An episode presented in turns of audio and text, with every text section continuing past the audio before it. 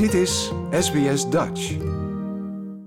Het aantal Australiërs dat thuis een andere taal spreekt dan Engels is bij de laatste census met bijna 800.000 toegenomen tot een totaal van 5,5 miljoen mensen.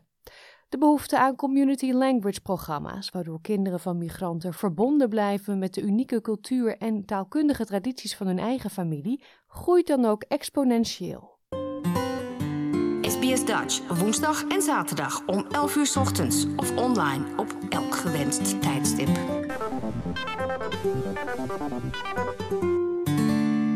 In heel Australië zijn ongeveer 1400 community language schools.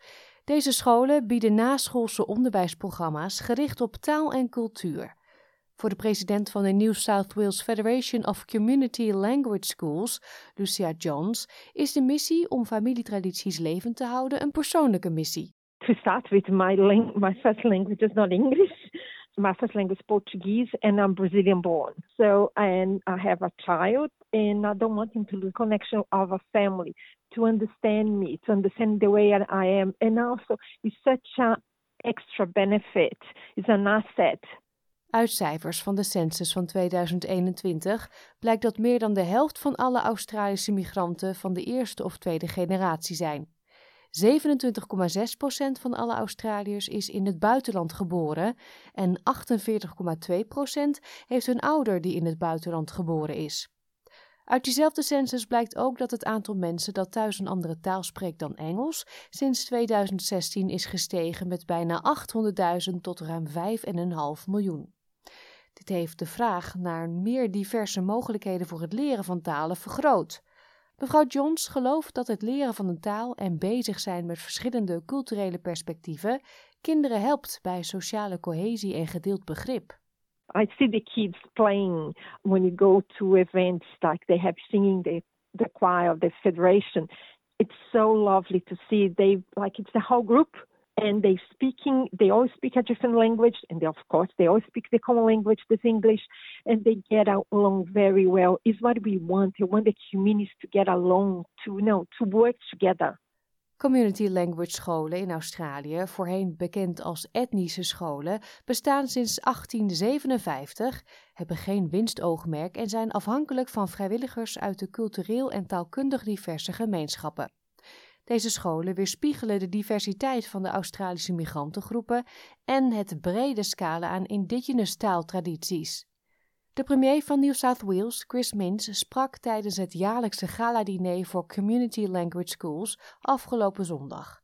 De premier beloofde meer geld en steun voor de federatie om de culturele traditie in stand te houden en de nieuwe generatie voor te bereiden op een steeds meer geglobaliseerde economie.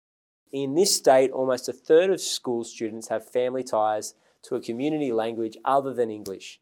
Community language schools are the bridge connecting kids with their heritage and the culture of their families. It not only strengthens our multicultural communities, it's a tremendous asset for our economy in a globalised world.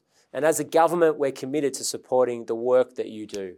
We want to make it easier and more affordable for every child who wants to learn a language to do so. De Federatie van Community Language Schools in New South Wales geeft momenteel les in 72 talen op 565 locaties aan meer dan 33.000 studenten. Paulien Jongma is bestuurslid van de federatie en voormalig directeur van de Nederlandse school De Kangaroo in Sydney. Ze zegt dat de scholen helpen om de kinderen van migranten in contact te brengen met de cultuur van hun ouders. The program at the Dutch school, so the children learn to read and write. They learn all the spelling, all the grammar, speaking, listening. We have cultural days where they learn more about the culture. It's important to keep the culture where they come from because as soon as they live here, they're Australian kids and they, they live in Australian culture and they, they learn everything here. So the, the children yeah, really get to know the culture of their parents.